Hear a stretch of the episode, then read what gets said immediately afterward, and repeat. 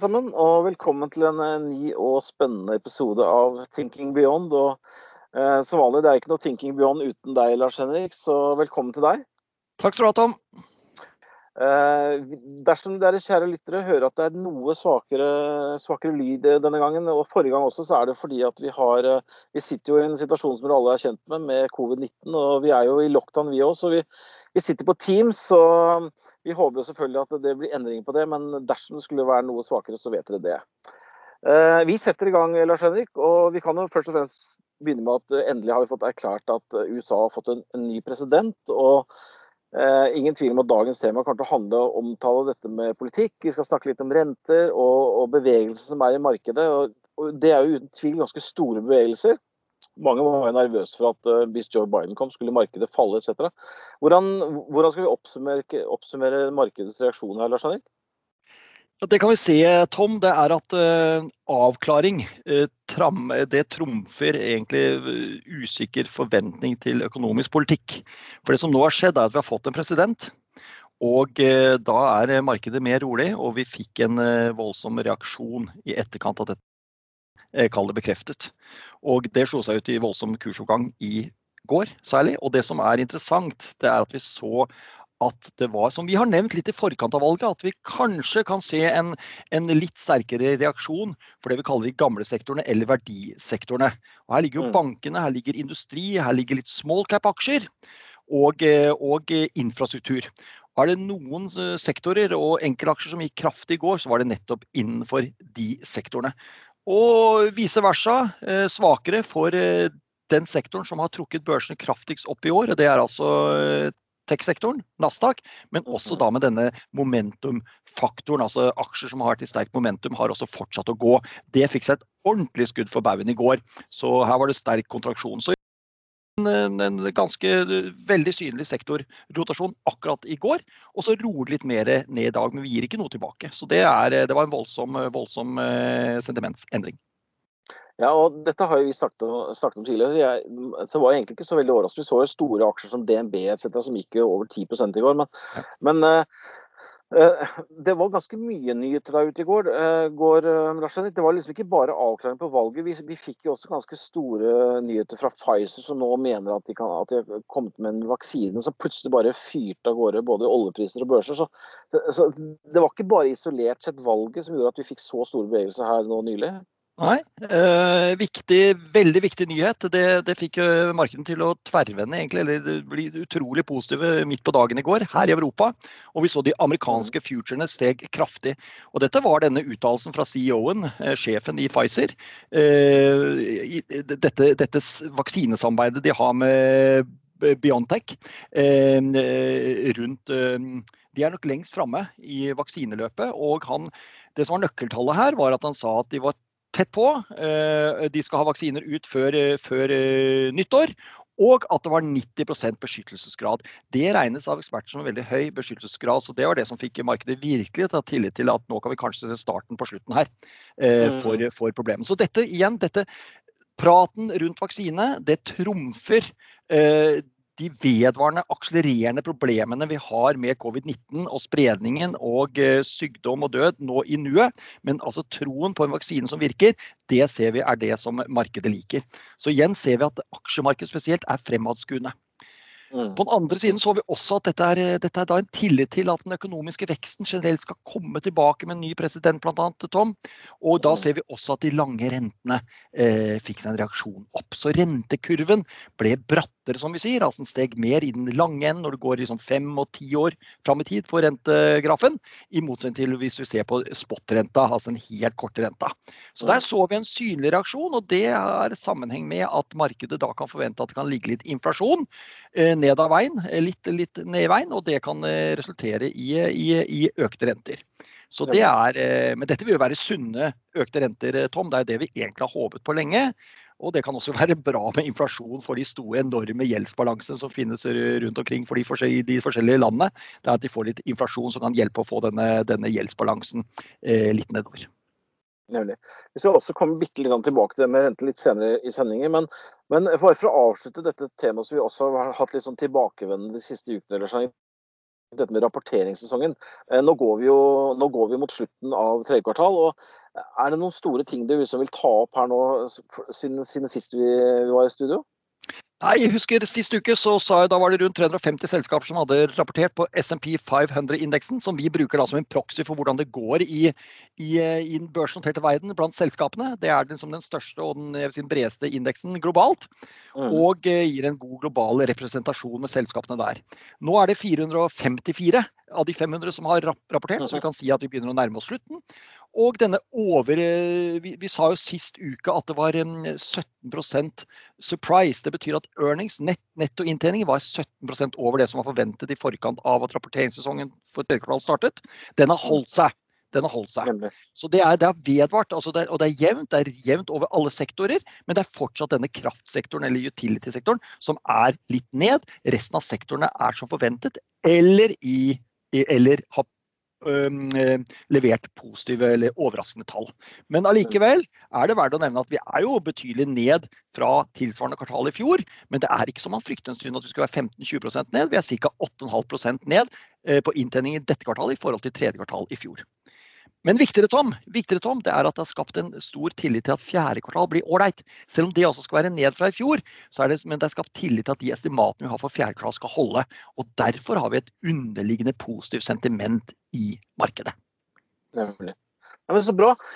Du, da skal vi dreie oss litt over på, på, det, på det vi snakket om med, med, Joe Biden og valget i USA. og en av de tingene som jeg også har lagt merke til, er at eh, Biden bruker jo en del av tiden sin på disse talene sine å snakke om dette med at han vil jobbe for alle amerikanerne, også de som stemte for Trump, og, og, og bruker mye tid på å snakke om forsoning og samhold og felles retning. Ser ser, ser du for deg at, at, vi kan få et mer samlet USA? Tror du Biden kan klare å få samla USA her på noen måte? Ja, han, han, han, snakker jo litt nå som en sånn samlende, en litt sånn landsfader. Eh, litt sånn litt kongelig, litt, litt, litt sterkt samlende. Eh, veldig Hva? Grandfather, som du kalte den sist. Ja, ikke sant? Det er sånn, sånn han fremstår nå. Så er, Han er en person som ren som person er lett å, lett å, like, og har ganske tydelig budskap at nå er det et United America som, som, som gjelder. Og det er, ikke, det er, ikke, rød og blå som farver altså disse politiske farvene. Eh, jeg vil si på en annen måte at han er nødt til å være eh, samlende her. Han er nødt til å være sterkt, eh, sterk, sterk, klok politisk, for han vil jo jobbe i motbakke, ser det ut til, ved at Senatet fortsatt ser ut til å være på republikanernes hånd. Og mm. Det betyr jo at en del av det, skal det gjøres store endringer i alt som er av eh, føderale, altså landsdekkende lover, så må jo det vedtas med flertall i Senatet. Så der vil han møte pushback hvis dette blir for eh, ensidig eh, demokratisk politikk. Så, så, her må han være samlende og han må være politisk klok for i det hele tatt å få gjennomført noen saker av betydning. Og Dette gjelder også disse, her, disse medisinske programmene. Vi snakker om eh, Obamacare, vi snakker om Medicare eller Medicaid. Eh, sånne, sånne, programmer. altså Det må jo finne sin støtte i Kongressen. Og da først og fremst blir det komplisert med Senatet. Eh, hvor republikanerne har, eh, ser ut til å ende opp fortsatt med sitt, eh, sitt flertall. Nå er ikke den avstemningen helt ferdig ennå. Det er jo omstemming der òg, bl.a. i Georgia, meg, mm. meg, bekjent. Så det er ikke, det er ikke endelig avsluttet, men det, det, ser sånn ut. Nemlig. Du, um, uh, Donald Trump brukte jo mye av tiden sin på, på å få USA ut av den, den Parisavtalen. og Vi, vi har jo hatt uh, litt forferdighet for å snakke litt om klima her eh, i podkasten. Joe Biden har jo vært eh, for, for, for, denne, for, at USA skal komme inn igjen i Parisavtalen. Men dette skjer jo nesten akkurat idet de er på vei ut. Kan, kan, ikke du snakke litt om, om hva dette eh, presidentbyttet kan skje, skje, i forhold til USA og Parisavtalen? Ja, jeg vil se Generelt så har jo eh, Trump vært en som har fortaler for altså, å tre ut av en del av de store eh, si, felles, felles, politiske arenaene. Han har ikke ta, kunnet ta USA ut av FN, men det meste annet har han klart. og det er jo klart, Han slutter betalingen til WHO, altså Verdens helseorganisasjon. Eh, han mm. har eh, iallfall prøvd å svekke verdens, eh, altså WTO, WTO, altså Verdens Trade Organization, altså handelsorganisasjon, hvor Kina kom inn for snart 20 år siden og mm. så litt, liksom, litt splid der. Også ikke minst at han uh, tok USA ut av Parisavtalen, som nå er effektuert strengt tatt i disse dager. Men nå er det altså bare en, hva blir det, en 70-75-80 dager til, hvor, hvor Biden igjen kan ta USA inn i denne på nytt. Jeg blir ikke overrasket hvis ikke Biden eh, annonserer et ganske stort klimamøte, og gjerne på amerikansk jord i den forbindelse, eh, ganske raskt i sitt eh, presidentskap, eh, for, å, for å gjenføre USA inn i Parisavtalen. Mm. Parisavtalen, jeg synes Det er verdt å minne på hvorfor Trump eh, tok USA ut av den. Det er fordi han mente at den var ubalansert og favoriserte Kina på den måten at Kina ikke hadde noen forpliktende, eller sterke forpliktelser før 2030. De hadde noen intensjoner rundt kutt, men mm. ingen juridisk forpliktelse. Det var dette, det var dette eh, Trump eh, steilet på, for han sier at problemet er jo Kina. Og tallene viser det, at Kina er den største den, liksom den, det, det er det big polluter, de er den store forurenseren, men de er altså fredet på en måte i Parisavtalen.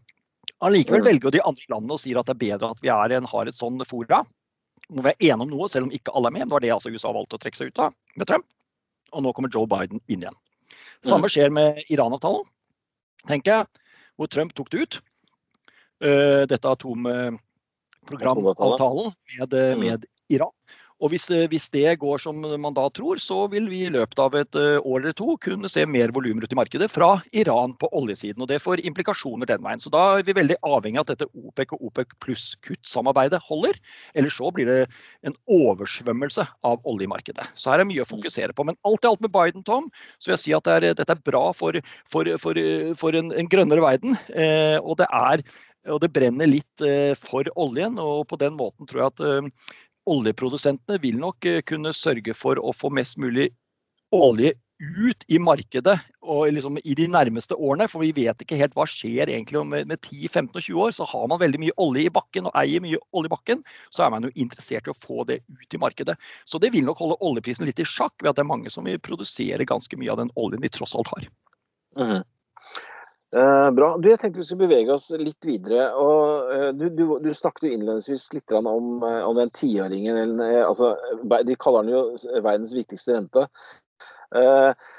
og Den steg, har steget nå kraftig. og Kan vi linke dette opp mot kanskje et spørsmål som kommer til senere, med stimuluspakker også. Hva, hva, tror du var grunnen til at vi fikk et så voldsomt hopp i den tiåringen? Og, og, og kanskje fortelle lytterne våre litt om hvorfor den er så viktig? Ja, Tiårsrenta er jo viktig. Det er jo, det er jo verdens største eh, obligasjonsklasse. Og eh, mm. amerikanerne begynner å De finansierer seg jo i, i, i et globalt marked for å finansiere sitt, sitt Ja, i år er det et enorme underskudd på statsfinansene. Dette mm. er jo en USA sin samlede gjeld begynner etter hvert å nærme seg rundt hva blir det, altså en 26 trillioner dollar. Altså 26 mm. billioner Eh, dollar, altså 26 ganger oljefondet. Så det er, det er, enorme summer.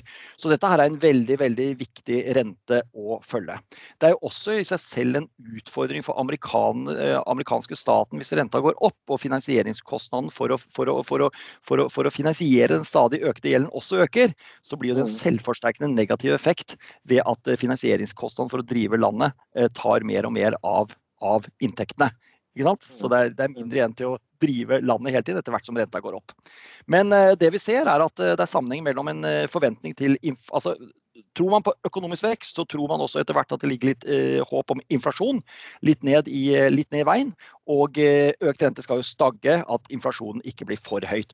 Derfor ser vi at det er, det er fremtidshåp og tro nå. Inflasjonen skal komme tilbake, og man sender da den lange renten litt opp og får en brattere rentekurve. I, det er det som egentlig har skjedd her. Det blir litt, sånn litt eh, komplisert, men dette er sammenhengende. Ja, altså, um, jeg husker for jeg tror det er to eller tre sendinger så snakket vi om disse store stimuluspakkene. og At, at uh, Trump uh, hadde foreslått én trillion, og mens Biden uh, snakker om tre. Tror du det har noen sammenheng med at tiåringen uh, steg så kraftig, eller er det helt andre forventninger som gjør det?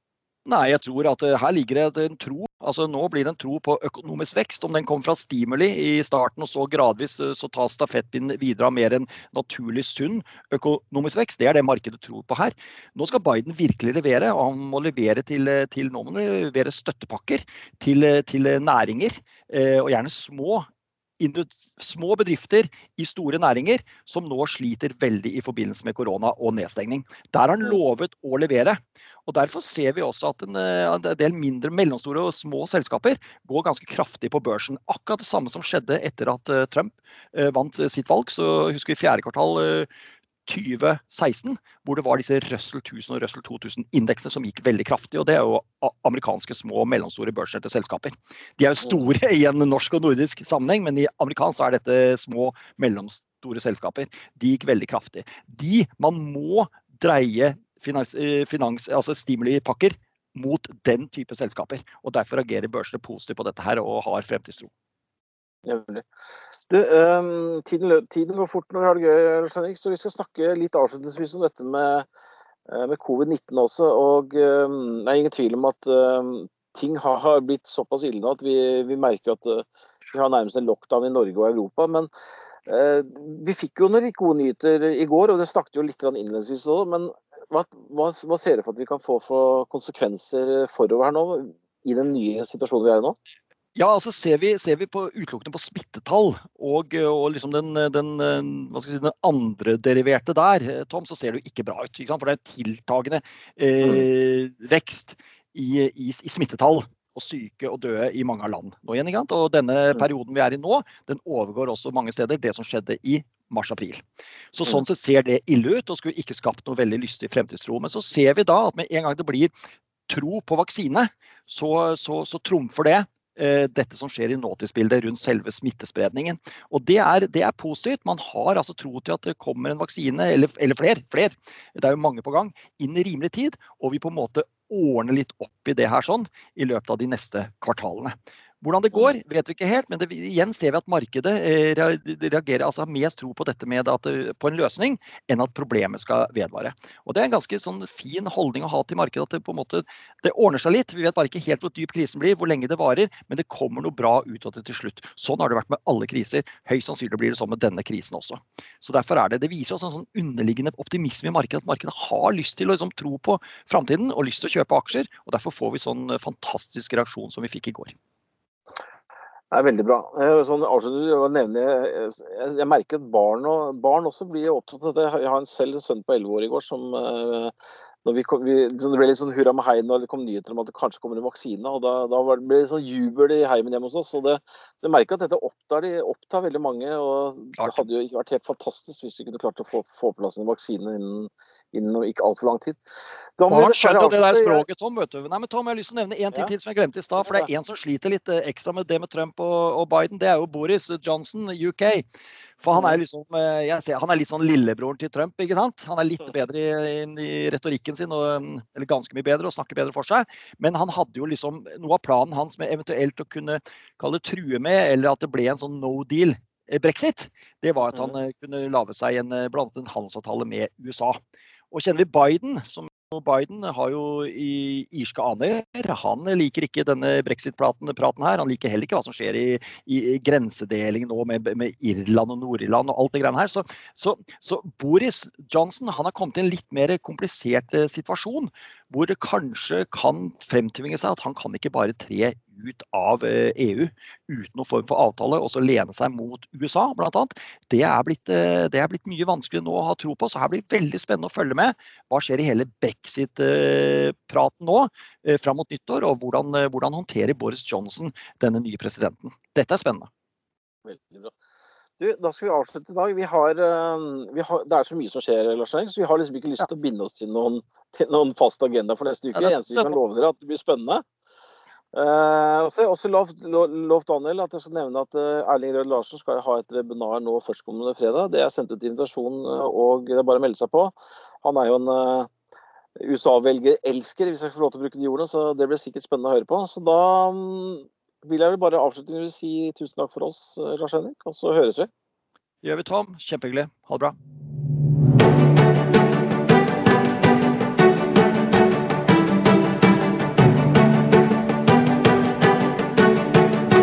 Du har hørt på Thinking Beyond, en podkast fra Formuesforvaltning.